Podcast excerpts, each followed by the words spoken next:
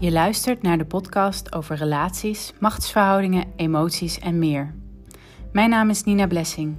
In mijn sessies, workshops en retreats help ik mannen en vrouwen hun volle potentie te leven, ongeacht de omstandigheden. Wil je weten hoe je meer grip krijgt op je emoties, hoe je krachtig een conflict oplost of wil je meer weten over relatiedynamieken? Dan ben je hier op het juiste adres.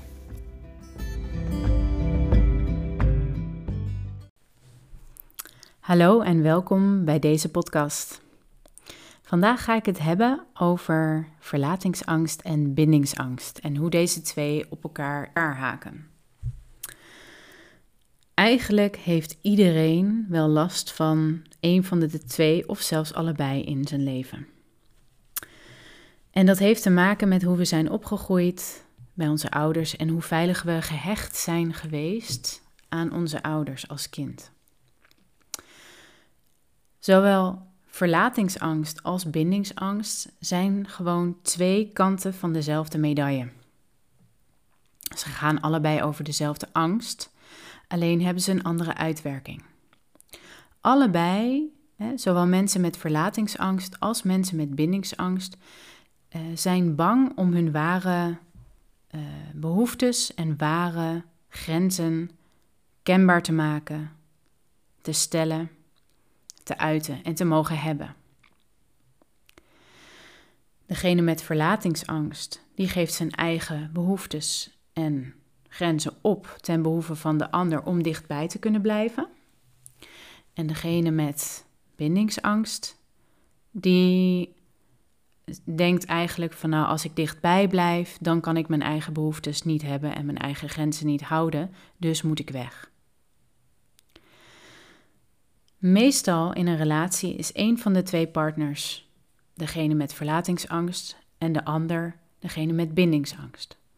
Omdat deze twee als een puzzelstukje in elkaar aanhaken en inhaken en ze houden elkaar zelfs ook in stand. Als je begrijpt hoe dit werkt, dan kun je er ook aan gaan werken en dan kun je je eigen patronen gaan doorbreken. En dat levert je dan weer een veel fijnere relatie op en dus ook een gelukkiger leven. Dus laten we beginnen met verlatingsangst. Meestal is de vrouw degene met verlatingsangst. Dat betekent dat zij bang is dat haar partner haar gaat verlaten. En daarom uh, zet ze zichzelf eigenlijk aan de kant en is ze extreem veel beschikbaar voor haar partner. Extreem flexibel, uh, ze past zich makkelijk aan. Zet haar eigen plannen aan de kant of neemt niet eens de ruimte om eigen plannen te maken of te hebben om maar zoveel mogelijk tijd met haar partner te kunnen verblijven. En als ze dan een partner met bindingsangst heeft, dan heeft ze dus een partner die misschien wel aanwezig is, maar niet helemaal beschikbaar. En zo blijft ze continu zoeken naar aanhaking, uh, verbinding, uh, zodat ze tot rust kan komen. Deze angst komt voort uit haar jeugd dat haar vader of haar vaderfiguur niet beschikbaar voor haar was. Het kan zo zijn dat de vader echt helemaal afwezig was, dat hij gewoon weg was uit haar leven. Of dat hij wel fysiek aanwezig was, maar dat hij vaak weg was. Of dat hij emotioneel onbeschikbaar was. Denk maar aan het klassieke beeld van de vader achter zijn krant verstopt. Of ehm, tegenwoordig een vader die alleen nog op zijn telefoon kijkt. Of een vader die gewoon emotioneel uit is gecheckt. In een overleefstand zit als jong meisje, uh, klein kind, voel je dan niet de aanwezigheid van je vader. En meestal resulteert dit in een, in een gedrag dat het meisje erg haar best gaat doen om de aandacht van haar vader te krijgen. En wanneer zijn vaders blij? Als het meisje zich goed gedraagt, als ze lief is, als ze mooi is hè? Uh, en als ze goed voor haar vader zorgt. En daar wordt dan ook, worden de archetypes geboren uh, zoals de verleidster. Als ik er mooi uitzie, mooi beweeg en lieflijk en verleidelijk ben, dan kan ik een man wel zo ver krijgen om bij mij te komen. Of om de moeder te spelen, als ik maar goed voor hem zorg. Als ik maar al zijn wensen, als ik mijn man maar op al zijn wenken bedien, dan blijft hij wel. Of de therapeut. Maar die komt vaak later. Als ik het maar goed begrijp en als ik het goed kan uitleggen uh, en hem kan redden, mijn partner kan redden, dan blijft hij misschien ook wel, want dan is hij van mij afhankelijk. En mijn redderschap geeft, zelfs, geeft mij zelfs bestaansrecht. Over deze archetypen zal ik in een andere podcast meer vertellen. Maar nu terug naar de verlatingsangst. dus de vrouw, het meisje, heeft een aantal overleefstrategieën bedacht om de man dicht bij haar te krijgen. En vaak in een, een relatie resulteert dat in dat zij heel erg gefocust is op haar partner. En nogmaals, hè, dit kan ook precies andersom zijn. Het kan ook de man zijn die verlatingsangst heeft en de hyperfocus heeft op zijn partner uh, in plaats van de vrouw. Um, maar voor, dit, voor deze podcast neem ik even het vrouw met. Sorry, neem ik even de vrouw met verlatingsangst als uitgangspunt. Dus de vrouw die krijgt een hyperfocus op haar man. Ze is continu bezig met wat haar partner doet en wat hij niet doet, waar hij is, uh, waar hij is op social media. En dat komt eigenlijk omdat ze voortdurend bezig is met ik wil in contact met jou zijn. Ik wil in verbinding met jou zijn. En ehm, als haar partner emotioneel onbeschikbaar is of druk bezig is en zij wordt niet in die behoefte voorzien, dan kan ze er zelfs nog meer bovenop springen en eigenlijk hem bijna verstikken van liefde. Ze gaat heel veel geven namelijk. Heel veel berichtjes sturen, heel veel bellen, heel veel aandacht vragen, uh, lief, uh, lekker eten voor maken, massages geven en noem maar op eindeloos veel dingen bedenken en heel hard werken eigenlijk om haar partner blij te maken. En dit werkt natuurlijk niet als je iemand met bindingsangst hebt, want het is nogal veel. En er zit een bepaalde neediness, een behoeftigheid in van de vrouw hè, met verlatingsangst, eh, die te veel is voor de relatie en te veel voor de partner. Wat zij namelijk probeert te doen, is dat zij het gat, het gemis van wat zij had naar haar vader toe, dat haar vader er niet was voor haar, dat probeert zij te vullen met haar partner. Dus onbewust hoopt zij dat haar partner haar pijn kan verzachten en wegnemen door aanwezig te zijn. Alleen is de partner niet de vader en kan hij dus ook nooit haar pijn wegnemen. Dat heeft ze zelf te doen. Dus ze heeft zelf haar pijn, haar verdriet te uiten en te releasen, te huilen en daarmee haar wond, haar pijn uh, te helen. En in dat ze gaat ervaren dat zij waardig is om lief te hebben, zonder dat ze daar zo hard voor moet werken. dus als zij het verlies en het verdriet om haar vader gaat verwerken en gaat uithuilen, Ehm, dan zal zij steeds minder haar eigen behoeftes opzij zetten voor haar partner, omdat ze niet meer zo bang is om hem kwijt te raken. Zoals ik net al zei, als een partner zo gefocust is op de ander, dan werkt dat nogal verstikkend. Degene met verlatingsangst, die is meestal de gever in de relatie. Die geeft overmatig veel en daardoor ontstaat er een soort disbalans die degene met bindingsangst, de andere partner, de man in dit geval, in dit voorbeeld, bijna niet meer goed kan maken. Want er moet zoveel teruggegeven worden om ja, de balans gelijk te maken, dat dat eigenlijk een onmogelijke zaak lijkt voor de man in dit geval. dus wat doet het met de man die bindingsangst heeft als zijn partner zo hyper gefocust op hem zit? Die gaat natuurlijk afstand nemen. Die doet een stapje terug en denkt, nou, ik heb mijn ruimte nodig. Uh, ik weet eigenlijk niet of ik deze relatie wel wil. Uh, ik kan mezelf niet meer voelen. Dat denkt hij niet, maar dat is wel het gevolg. En die weet eigenlijk niet meer zo goed wat hij, wat hij wil en wat hij nodig heeft. En uh, iemand met bindingsangst kan, net als degene met verlatingsangst, zijn grenzen en zijn behoeftes niet voelen. En eigenlijk is dat vaak nog sterker zo, want degene met verlatingsangst, die kan wel zijn behoeftes voelen, maar die behoeftes zijn extreem vergroot. En die geeft zijn grenzen op. dus de vrouw geeft in dit geval haar eigen grenzen op om maar bij haar partner te kunnen zijn. En haar verlangen is zo groot naar haar partner, dat kan ze heel goed voelen. Daar kan ze echt niet omheen. Dat is bijna, ja, dat, dat consumeert haar haast. Ze kan aan niets anders denken. Uh, ze kan bijna geen rust vinden zonder hem.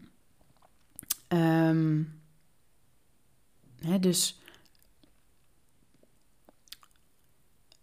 degene met bindingsangst, de man in dit geval, die heeft heel veel moeite met zijn verlangen voelen. En ook zijn grenzen voelen. Um, zijn grenzen gaan wel iets makkelijker.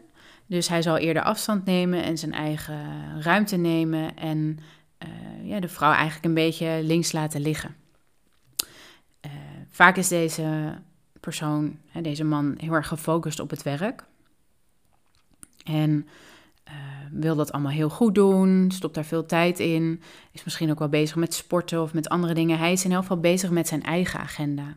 En niet de agenda van de relatie of die van de vrouw, maar gewoon met zijn eigen ding. En soms zit er ook een hyperfocus op werk of externe validatie of dingen buiten hem van waar hij op zoek is naar bevestiging voor hemzelf. En um, Mm. Even kijken, de bindingsangst van de man. Ehm, hij heeft heel veel moeite met zijn eigen verlangen te voelen en zijn grenzen stellen. En hij denkt eigenlijk dat dat niet kan in verbinding. Hij denkt: mijn grens mag niet bestaan, kan niet bestaan als ik in verbinding ben met de vrouw. Natuurlijk is het wederom onbewust. En hij heeft te leren om zijn grenzen te mogen stellen en zijn ruimte in te nemen whenever he needs to, wanneer hij dat ook maar nodig heeft. Een man met bindingsangst is voortdurend bezig met de escape. Hoe kom ik hier weer uit? Hoe ben ik weer vrij? Ik wil vrij zijn. En in deze relatie voel ik mij niet vrij, want ik heb het gevoel dat ik geen vrijheid heb. Ik heb het gevoel dat ik niet zelf kan beslissen, mag beslissen. Ik heb het gevoel uh, dat ik beperkt word, uh, dat er voor mij besloten wordt, etc. En dit komt voort uit wederom zijn jeugd, waarin hij uh, of verstikt is van liefde door zijn eigen moeder, dat zijn moeder alles voor hem heeft geregeld, verzorgd en gekozen. Dus dat een jongetje eigenlijk van heel jongs af aan al niet heeft geleerd om te voelen wat hij zelf wil. In de fase van twee, drie jaar leert een kind zijn eigen pad lopen. Hij leert, ik wil dit doen en daar ga ik heen. En dan komt de moeder die zegt, ho stop, dat mag niet.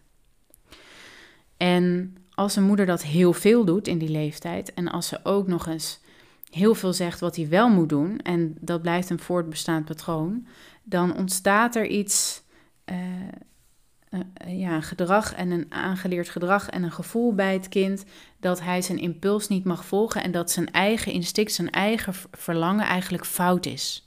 Want dat wordt immers afgestraft en afgeremd. En dat maakt dan dat hij zijn eigen verlangen opgeeft. Want hij wil natuurlijk goed doen voor zijn moeder, want dan krijgt hij liefde.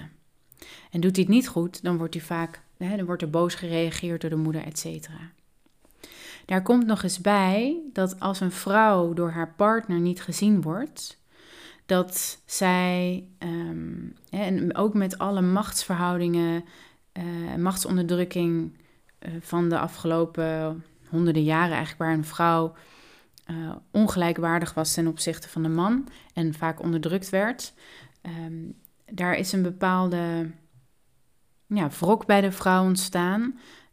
ik heb geen macht in mijn relatie met mijn man, het is niet gelijkwaardig, dan pak ik wel de machtspositie naar het kind en naar mijn zoon en daar ga ik alles bepalen en word ik dominant ten opzichte van het kind.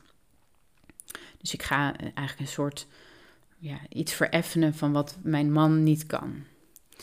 Dat is natuurlijk niet de bedoeling, maar dat is wel veel gebeurd. En wat ook nog kan, is eh, dat een, een moeder de liefde die ze niet van haar man krijgt, gaat halen bij het kind de bevestiging, het gat willen vullen bij, uh, door het kind.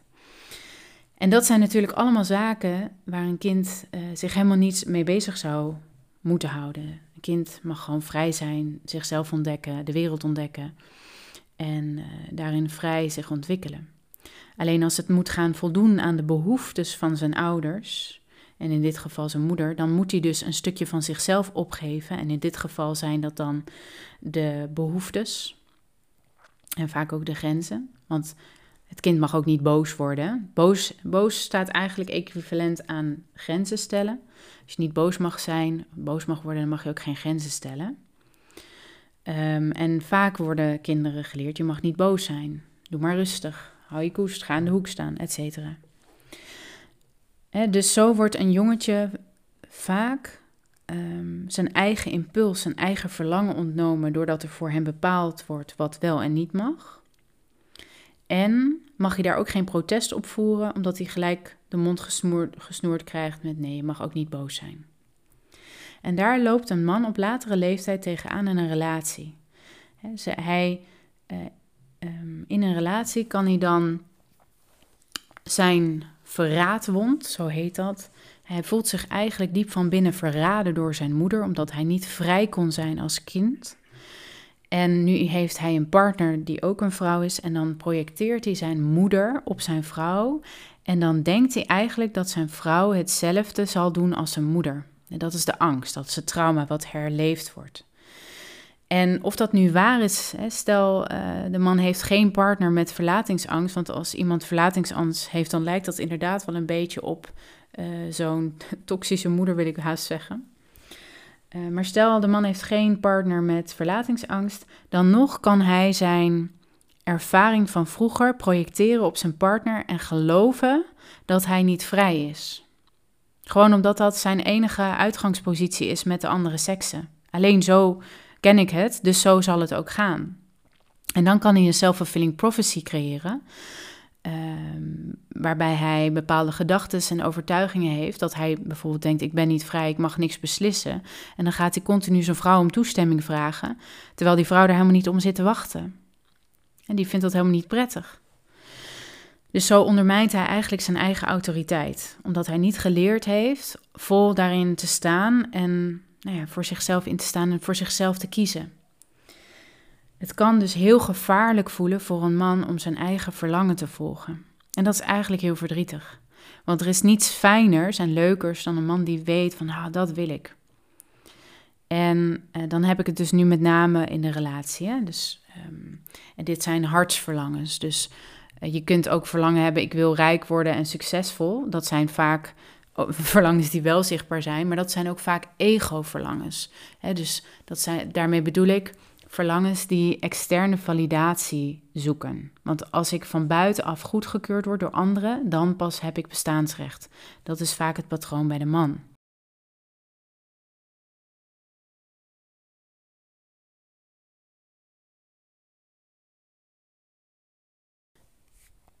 Dus wat een man mag leren is dat hij zijn verlangen weer gaat voelen en dat hij zijn eigen besluiten mag gaan vormen dat hij in de relatie ten alle tijden mag kiezen: dit is wat ik wil en dit is wat ik niet wil.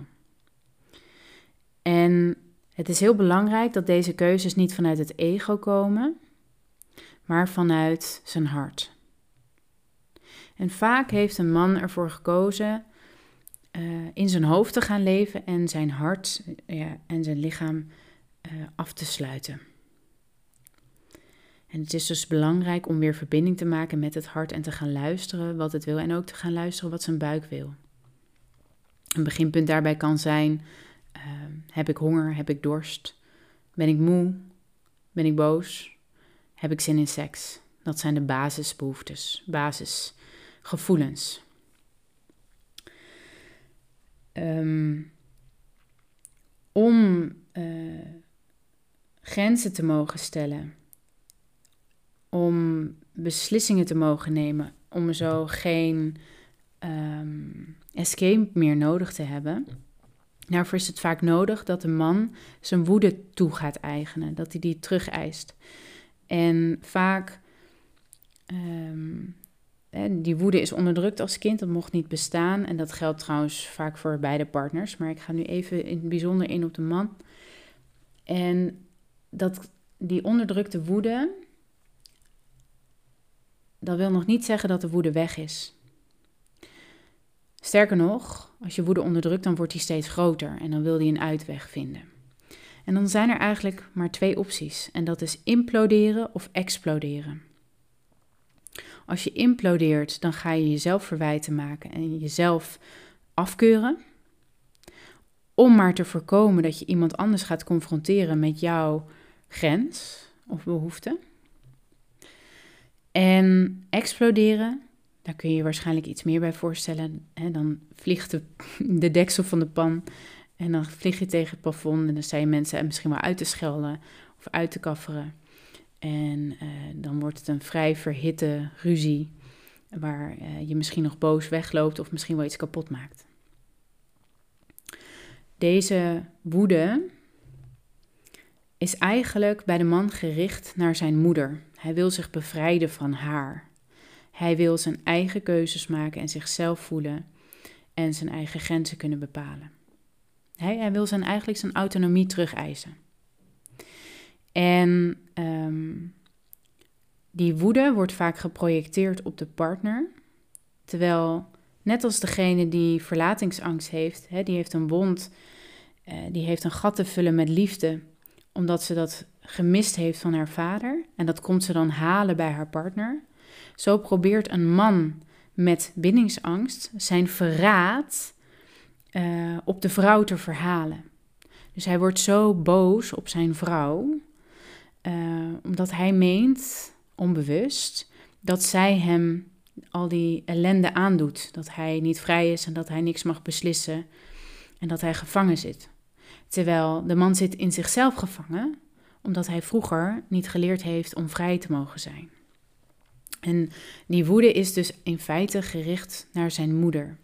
En dit heeft helemaal niet zoveel te maken met, oh, uh, je hebt een slechte moeder gehad, of wat een rotwijf, of nou, ze, heeft echt, uh, ze kan echt niet opvoeden, of ze was liefdeloos. Nee, in onze opvoedcultuur zit gewoon heel veel uh, van dit verwoven, wat als normaal werd gevonden. Hè, heel veel mensen wisten niet beter en dus deden ze dit.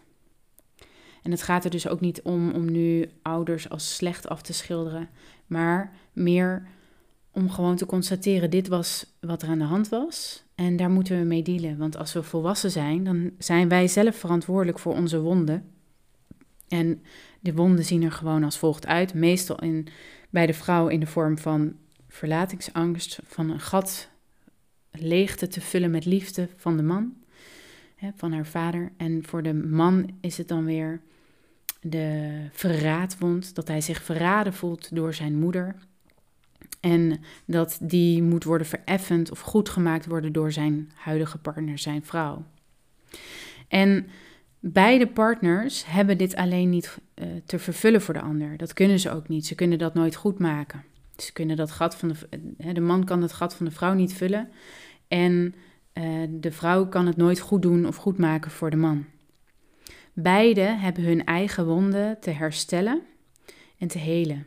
En dat gaat in principe voor verlatingsangst, dus door te huilen en het verdriet helemaal toe te laten. En uh, in het geval van bindingsangst gaat het om de woede helemaal toe te laten. Mag ik boos zijn? Mag ik mijn grens stellen, ook als ik iets krijg? En dan kom ik terug bij wat ik in het begin vertelde over degene die verlatingsangst heeft, die geeft heel veel. Die geeft overmatig veel om zijn partner maar te houden. En degene met bindingsangst, die durft dat eigenlijk niet te begrenzen, want die denkt, ja, ik krijg zoveel, dan kan ik toch niet ook nog zeggen dat ik dat niet leuk vind? Die gelooft eigenlijk, ik mag niet boos zijn, want je doet zoveel voor mij. En daar zit hem juist de paradox. Want als degene met bindingsangst gaat begrenzen en zeggen, joh, uh, ik vind dit niet zo prettig, dan gaat hij zijn eigen ruimte claimen en creëren waardoor die dichterbij kan komen. Want als jij je grenzen kunt hebben en mag hebben, dan kun je ook dichterbij komen, want dan, dan ben je veilig. Zo creëer je je eigen veiligheid. Beide partners zijn in wezen op zoek naar veiligheid, alleen doen ze dat op een andere manier. Degene met bindingsangst meent dat hij de veiligheid heeft als hij zonder partner is. En degene met verlatingsangst meent dat hij veilig is als een partner bij hem of haar is. En beide partners hebben dus voor zichzelf de veiligheid te creëren. Nou, nogmaals, hoe doe je dat? Door je eigen emotie en pijn te gaan erkennen en te ontladen. Verdriet uit te huilen en woede eruit te gooien. En het mooie van een relatie is dat je eigenlijk uh, door de ervaringen die je hebt met elkaar en de triggers die je elkaar geeft.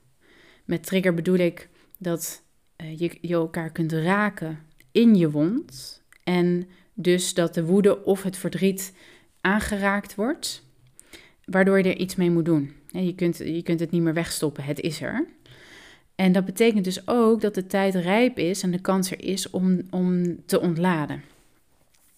En dan gaat het er dus om dat je niet zozeer op je ja, met verwijten naar je partner toe gaat ontladen, maar dat je je eigen stuk pakt en ziet van goh, ik word nu geraakt in mijn verlatingswond. Ik vind het heel erg moeilijk, maar ik zal nu zelf mezelf moeten opvangen hierin en mijn verdriet moeten dragen, leren dragen. En natuurlijk mag je daar support voor vragen, maar ehm, waarschijnlijk zal je partner die niet kunnen geven, of misschien later als dit wat meer beoefend is, maar in het begin is dat heel lastig. Maar vrienden, familie, wellicht lukt dat wel. En weet ook dat je zelf echt je verdriet kunt dragen. Het moeilijkste is vaak de weerstand tegen je eigen emotie, het verzet. En dat geldt voor beide partners. Als je je heel erg verzet tegen je emotie, dan komt hij er niet uit en dan, dan blijft het zich als in een loopje herhalen. En dat kost heel veel energie en je komt niet verder. Sta je jezelf echter toe om kei en keihard te huilen als een kind, schokkend, hè, schuddend, echt alles eruit te gooien, uh, dan erken je jezelf in je eigen gevoel en in je eigen pijn. En dat heeft zo'n grote helende werking, omdat je uh, achter jezelf gaat staan van hé, hey, uh, ik mag dit voelen en ik mag deze pijn uh, hebben, want het is terecht dat ik die pijn heb van vroeger. dat die, het is niet raar dat ik me zo voel. En op het moment dat je dat doet, dan haal je heel veel lading weg van het huidige moment. En dan, als je partner dan iets doet wat je normaal gesproken triggert, hè, dat je, dat iets wat je uit het veld slaat, uit het lood slaat, en je hebt al een paar keer gereleased, dan zul je merken dat je minder uit het veld geslagen bent. Dat je minder geraakt wordt. Dat je ziet van, goh, hé, hey, eigenlijk kan ik dit best wel dragen. Eigenlijk zie ik ook zijn pijn of zijn angst. En ik ben oké. En je gedrag zal ook veranderen, want je zult jezelf minder, minder veel opgeven, je zult je minder aanpassen, je zult meer je eigen koers varen. En dat is dan weer precies hetgene wat jou aantrekkelijk maakt voor je partner en waardoor iemand met bindingsangst meer ruimte voelt om dichterbij te komen. Als de vrouw uit het voorbeeld met verlatingsangst, als zij haar eigen koers gaat varen, als zij zich gaat focussen op haar werk, op haar missie, op haar kracht op wat zij voor te brengen heeft. En als zij de verslaving aan haar man en de hyperfocus op haar man uh, kan doorbreken. En dat is echt net alsof je stopt met iets waar je verslaafd aan bent. Dat is echt best lastig. Dat betekent dat je echt fysiek dingen moet uitzitten en uithuilen en uitbibberen en beven. Maar dan kom je steeds meer in je eigen ruimte. En daardoor voelt de man gelijk eigenlijk dat hij niet meer zo verstikt wordt. En durft hij dichterbij te komen. En durft hij meer van zichzelf te laten zien. En ontstaat er dus meer verbinding. En dat is precies hetgene wat de vrouw met verlatingsangst wil. Alleen nu gebeurt het dan niet vanuit, nou ja, moedje of dwang. Maar het gebeurt echt. Het gebeurt nu vanuit vrije wil. Als zij de ruimte geeft, dat is spannend, want dat betekent dat de man vanuit vrije wil moet komen en niet meer vanuit controle, niet meer dat zij bovenop hem zit. En soms duurt dat even, er moet een soort vacuüm ontstaan waaruit een soort trekkracht ontstaan van hé, hey, hier wil ik wel dichterbij komen. En uh, die tijd heb je uit te zitten. En daar in die tijd dat je dat uitzit, hè, dat je nog niet weet of hij komt of uh, um, ja, dan heb je je eigen pijnlijke stuk aan te kijken, uh, uit te huilen en te leren dragen. Nou, hoe werkt dat dan voor de man met bindingsangst? Ik zei het al, hij moet naar zijn woede toe. En uh, wat ik zie is dat meestal de mannen in eerste instantie imploderen of iemand met bindingsangst zal eerst imploderen. dus zijn go-to is van ik onderdruk mezelf, ik mag niet boos zijn. Uh, en die gaat zichzelf verwijten maken van ik doe het niet goed, um, ik ben het niet waard, uh, wie zit er nou op mij te wachten, um, et cetera. Um, en dan zit hij echt in de hoek. Dan kan hij geen kant op. Heel, heel beklemmend is het. En ergens is hij ook lui om uit de hoek te komen. En dat is dan weer, als je zegt het ego is uh, uh, de man die in de hoek zit, dat is ego-gedrag. Van nou, ik, uh, ja, ik ondermijn mezelf. Ik durf niet gewoon mijn, verlangen te volgen. Hè. Een vrij iemand die volgt gewoon zijn verlangen en die weet zijn grenzen en die weet wat hij wil. Maar een man die onderdrukte woede heeft en in dit patroon zit van bindingsangst, die zit in de hoek, kan geen kant op. En het gekke is, die hoek is zijn comfortzone. Die kent hij goed. Daar voelt hij zich veilig. Daar is hij ook alleen en eenzaam. Ehm, maar dat is dus de contradictie. Het voelt ook heel veilig en uh, uit die hoek komen en in het midden van de ruimte gaan staan en zeggen: Nou, dit is wat ik wil en dat is wat ik niet wil. Hè, kleur bekennen en, en zijn verlangens gaan voelen, is echt enorm spannend. Het is helemaal spannend om dat dan nog, nog eens te gaan zeggen. Hè, uh, stel je voor, je krijgt het niet of je wordt afgekeurd of uh, je wordt weer betutteld of je wordt weer verstikt of iemand springt er bovenop je en je bent al je ruimte kwijt. Hè, dan ehm, moet je weer vluchten. En dus vertelt een man met bindingsangst zich ook vaak hè, door zelfzorg: nee, daar ga ik niet aan beginnen. Want dan moet ik de hoek uit. En in die hoek, dan ben ik vaak gewoon hard aan het werk, ben lekker op andere dingen gefocust en ik, ik zorg bar slecht voor mezelf. Uh, want daar ben ik gewoon helemaal niet mee bezig. Ik ben helemaal niet bezig met mijn eigen geluk. Ik ben alleen maar bezig met overleven. En nogmaals, dat is dus de comfortzone waar die in zit. Want dat is wat hij gewend is, dat is wat hij goed kent. Hij kent het goed dat andere beslissingen voor hem nemen, dat hij volgt. En misschien op het werk kan hij misschien wel heel goed beslissingen nemen, uh, maar in de persoonlijke relaties eerder niet. En dan is hij gewoon ondergeschikt. En heeft hij geen verbinding met zijn innerlijke autoriteit.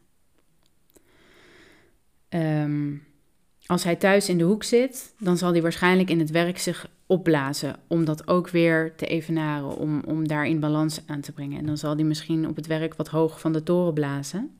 Om vervolgens thuis weer in de hoek te gaan zitten. Um, dat hoeft niet per se het geval te zijn, maar um, in elk geval is in de relatie in de hoek zitten veiliger dan in de ruimte gaan staan en zeggen tegen zijn partner van joh, dit is wat ik vind. Um, want hij projecteert dan de angst voor zijn moeder op zijn partner. Hoe kom je daaruit? Nou, ik had het net al over woede en het is de bedoeling om vanuit dat drama-stuk, soort van slachtofferschap in de hoek, uh, daaruit te breken door naar je woede te gaan. En uh, dat gebeurt ook vaak dat een man uh, ineens heel boos kan worden explosief. Alleen gaat hij, en dat, dat is dus te begrijpen, want eigenlijk is hij dus zo boos op zijn moeder. Alleen botviert hij het op zijn partner. En daarna komt natuurlijk een schuldgevoel van: oh, wat slecht, dat had ik niet moeten doen en dat mag niet. En uh, um, wat vaak niet wordt uitgesproken, maar er wel is. Want vaak bedekt hij dat onder een tirade van: uh, je bent een drama queen, je vraagt te veel, um, uh, je bent een heks, je bent belachelijk, etc. Terwijl die ergens heus wel weet van, oh nee, ik ga nu over een grens heen en dat kan ook niet. Maar het is dus de bedoeling om die woede die er zit wel echt helemaal te uiten. Dan wel liever niet op je partner, maar gewoon tijdens het houthakken of tijdens het sporten of in een schreeuw of, hè, of doe een woedeworkshop. Mm, uit het of neem een racket en slaap op de matras. En, laat het echt fysiek door je heen golven, die woede. Want woede is eigenlijk gewoon heel veel levensenergie die vrij wil stromen. En um, woede geeft aan van er zijn grenzen overschreden. Alleen in dit geval zijn de grenzen al heel lang geleden overschreden en daar kan je vrouw niet zoveel aan doen. En loop je nog wel rond met al die woede. En daar moet jij dus verantwoordelijkheid voor nemen. Stel, je vindt de weg naar de explosie, of dat nou gebeurt met je partner of uh, dat je het alleen doet. Uh, neem dat dan aan van oké, ik heb deze stap gezet, ik mag boos zijn. En hoe meer jij boos mag zijn, hoe minder je het nog een keer zo explosief hoeft te herhalen. En ook hier zit weer een paradox, want we denken nee, woede moeten we beteugelen, dat moeten we inhouden, dat is niet goed. Um, daarmee kwets ik anderen en doe ik anderen pijn. En ja, dat kan ook zo zijn. Het kan heel destructief zijn. Explosieve woede en imploderende woede is heel destructief. Maar dat komt eigenlijk vooral omdat je je eigen woede onderdrukt. En hoe meer je iets onderdrukt, hoe groter het moet worden. Laat je jezelf gewoon boos zijn vanaf het moment dat het er is en je zet er geen deksel op, dan wordt het niet zo groot. En dan kun je het gaan gebruiken en dan kun je gaan herkennen van, oh, eigenlijk is hier gewoon een grens bereikt. hey, ik heb een verlangen wat ik niet opvolg. Aha, oh, ineens kan ik het voelen. Aha, ik wil iets anders dan wat zij wil of wat hij wil. Aha. En waarom handel ik daar dan niet naar? Aha, omdat ik het heb onderdrukt, omdat ik denk dat ik het niet mag, et cetera. Ik mag niet boos zijn als ik zoveel krijg, als er zoveel voor mij gedaan wordt, et cetera.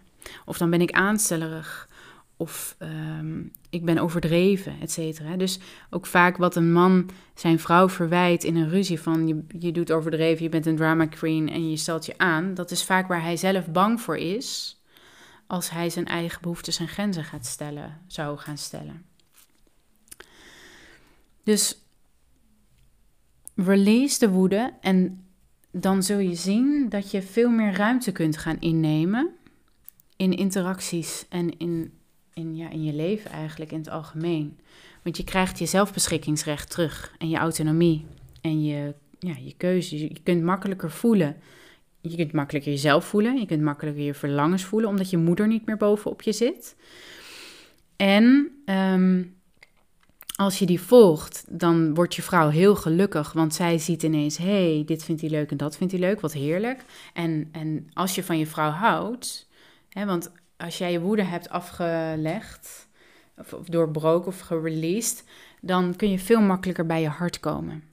En als je van je vrouw houdt, dan kun je dat ook weer voelen. En dan kun je haar weer zien voor wie ze is, namelijk je vrouw en niet je moeder. En dat bevrijdt haar zo sterk.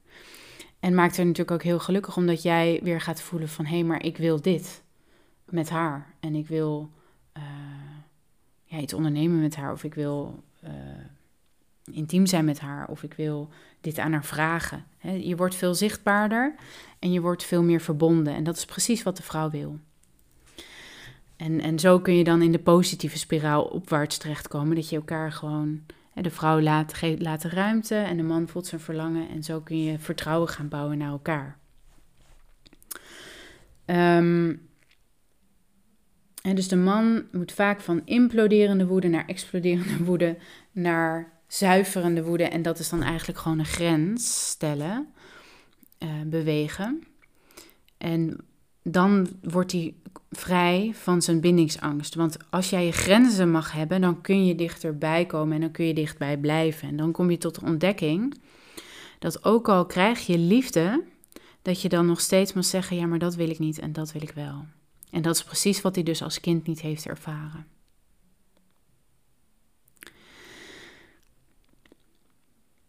Nou, tot zover dus de dynamiek van bindingsangst en verlatingsangst. Um, nog een laatste toegift. Beide partners hebben uh, een hyperfocus. Degene met bindingsangst heeft een hyperfocus op controle. Ik moet precies weten hoe iets gaat verlopen, want ik moet mijn escape bedenken en ik moet weten, eigenlijk van tevoren wil ik alvast zeggen, nou, dan ga ik weer. Zodat dat gewaarborgd is. En Ehm, die kan dan extreem veel in zijn hoofd daarover nadenken en daar zelfs slaapproblemen van krijgen. Iemand met verlatingsangst kan ook een hyperfocus hebben. Maar dat is dan meer eentje van: oh, wat is mijn partner aan het doen? Is hij online? Uh, heeft hij iets geschreven? Dus continu op je telefoon kijken, continu met de ander bezig zijn en, en nadenken over wat hij van je zou vinden, um, et cetera. Beide partners zijn aan het nadenken in zulke gevallen over doemscenario's en proberen uit alle, alle macht met hun hoofd te bedenken hoe ze dat kunnen voorkomen. En beide heeft helemaal geen enkele zin, natuurlijk. Hm. Het kost veel energie. En het zorgt er ook voor dat je als uh, counterbalance, dus als, om dat weer in balans te trekken, dat je in een soort zombie-modus terecht kunt komen, in een soort apathie, in een soort afwezigheid. En um, dat leidt dan weer, vaak weer tot verslavingsgevoelig gedrag. Dus dat je heel veel op je telefoon zit, of dat je eindeloos blijft wandelen omdat je geen rust vindt thuis op de bank. Of uh, nou ja, uh, dat je meer um, alcohol of uh, gaat nuttigen of gaat roken of meer gaat eten, um, et cetera. Dus van dat verslavingsgevoelige acties, dat je dat, dat dat toeneemt. Gewoon om dit maar die hyperfocus die zo uitputtend is en zo stressvol is, om die maar weer te compenseren met het andere uiterste, namelijk ja, apathie, zombie mode, een bubbel van ik ben, niet helemaal op de wereld en ik leef vooral niet mijn levensenergie. En om uit die zombie-modus te komen, um, is het heel goed om um, je boosheid eh, te gebruiken. En dat geldt voor beide partners. Want met boosheid kom je weer bij je levensenergie. En nogmaals, ik zeg niet dus dat je allerlei dingen op je partner of iemand anders moet gaan botvieren. Ik zeg slechts, ga je boosheid voelen. Ga je irritatie voelen over dingen. Wat vind jij vervelend of irritant? En als je dat weer gaat voelen, dan krijg je weer richting en dan weet je weer waar je naartoe moet. Ah, dit is belangrijk. Aha, dan heb ik dus een andere keuze te maken. Of dan heb ik iets aan te geven. Of uh, dan heb ik een behoefte te uiten. En dan heb ik een gesprek te voeren van wat is er eigenlijk allemaal nog meer mogelijk. En om die hyperfocus te doorbreken is ook belangrijk. En dat is vaak dat je gaat verzachten, dat je over, achterover gaat leunen, uh, dat je ontspanningsoefeningen doet en uh, dat je um, ja, soms kan ook huilen of een bad helpen. En nu ik dit zeg, bedenk ik mij, er is nog een belangrijk punt, laatste punt wat ik nog niet had genoemd voor de, de, de man met bindingsangst. Ik had al gezegd, hij gaat van imploderende woede naar exploderende woede. En daarna is er nog een belangrijke stap. En dat is uh, dat een man eigenlijk, of degene met bindingsangst, dat hij moet huilen om de, vanwege de pijn dat hij, uh, dat hij ineens het verraad voelt of ineens het, het gemis voelt ineens de pijn voelt en dat hij die toelaat en dat hij daarom moet huilen. En op dat moment breekt zijn hart open en dan is hij weer verbonden met zijn hart. En dan, ja, dan komt hij eigenlijk thuis bij zichzelf. En als die verbinding met het hart weer uh, hersteld is, dan kan hij dus ook vanuit het hart handelen en van, met het hart verbonden zijn impulsen en verlangens volgen. En dan heb je dus niet meer gewoon ego-verlangens van nou, ik wil een groter huis of ik wil nu seks. Maar dan wordt het oh, ik heb hier zin in, of ik wil haar zien, of uh, ik ga uh, buiten voetballen, want dat lijkt me zo heerlijk nu. Dat zijn heel integere keuzes dan. En heel fijne keuzes, en dat zijn hele voedende keuzes. Uh, dan, dan leert een man echt voor zichzelf zorgen. En het grappige is dus ook, je hoeft helemaal niet een checklist te hebben van nou, zo zorg ik voor mezelf. Als jij verbonden bent met je hart, dan zul je altijd goed voor jezelf zorgen. Want daar vandaan maak je keuzes die voedend zijn en fijn zijn en die bijdragen aan jouw plezier en liefde in het leven. En voor de vrouw um, geldt het dus als zij steeds meer voor zichzelf gaat zorgen. Um, hè, zij is daar veel proactiever mee bezig, denk ik. En als zij steeds meer de aandacht en de focus op haar eigen succes gaat leggen en um, haar eigen vader wordt eigenlijk. Hè? Dus dat zij achterover kan leunen en voelt van hé, hey, ik uh, ondersteun mezelf, ik sta achter mezelf. En ik mag, het is ook een belangrijke, al mijn emoties ook hebben. Ik ben niet achterlijk, ik ben niet overdreven, ik ben geen drama queen. Nee, ik mag gewoon huilen en ik mag boos zijn als ik dat voel. En uh, zonder dat het geridiculiseerd wordt. Als zij daarin kan berusten, ook dan worden de emoties weer kleiner en rustiger. Of soms zijn ze even heel hevig, maar dan weet ze, ik moet het releasen. Want dat helpt mij verder. Want emoties zijn energy in motion. En als je emoties onderdrukt of wegslikt, dan worden ze gigantisch groot, want ze willen jou in beweging brengen. Verzet je je ertegen, worden ze alleen maar groter en zullen ze je op een gegeven moment overspoelen of doorbreken. En beide is nuttig, want zodra jij weer stroomt van binnen, eh, kun jij je levensenergie weer voelen en word je vanzelf gelukkiger. Het maakt je namelijk bewust van wat je wel wil en wat je niet wil. En zo worden wij dus in onze relaties en door onze emoties ook getraind in het leren van wat wil ik nou eigenlijk en wat wil ik niet. En waarom is dat nou zo belangrijk? Omdat als we dat weten en we durven dat te zeggen en een ander, onze partner mag dat ook, dan kunnen we samen uh, vrije keuzes maken en dan hoeven we elkaar niet meer gevangen te houden van jij moet dit voor mij doen en dan doe ik dat voor jou. Nee, dan wordt het gewoon ik wil dit en de ander zegt ik wil dat. En hey, het is een match, wat leuk, wat fijn, wat heerlijk. En als het geen match is, nou dan ga ik uh, wat anders doen of dan ga ik het met iemand anders doen. En dat is dan ook oké. Dus we moeten niet altijd verwachten dat onze partner alles kan waarmaken voor ons, maar we mogen het wel uiten, we mogen het wel hebben. En soms moeten we ons verlies nemen als de partner daar niet toe in staat is of het niet wil. Maar dat is dan weer zijn, ja, zijn goed recht. Als, als jouw partner vrij mag kiezen wat hij wil, dan mag jij het ook. En als jouw partner uit vrije wil kiest, is het echte verbinding en niet neppe verbinding. Ja, want als jij als vrouw met verlatingsangst jezelf opgeeft voor je partner zodat hij dichtbij blijft, heb je al verloren. Want het is geen echte verbinding vanuit jou.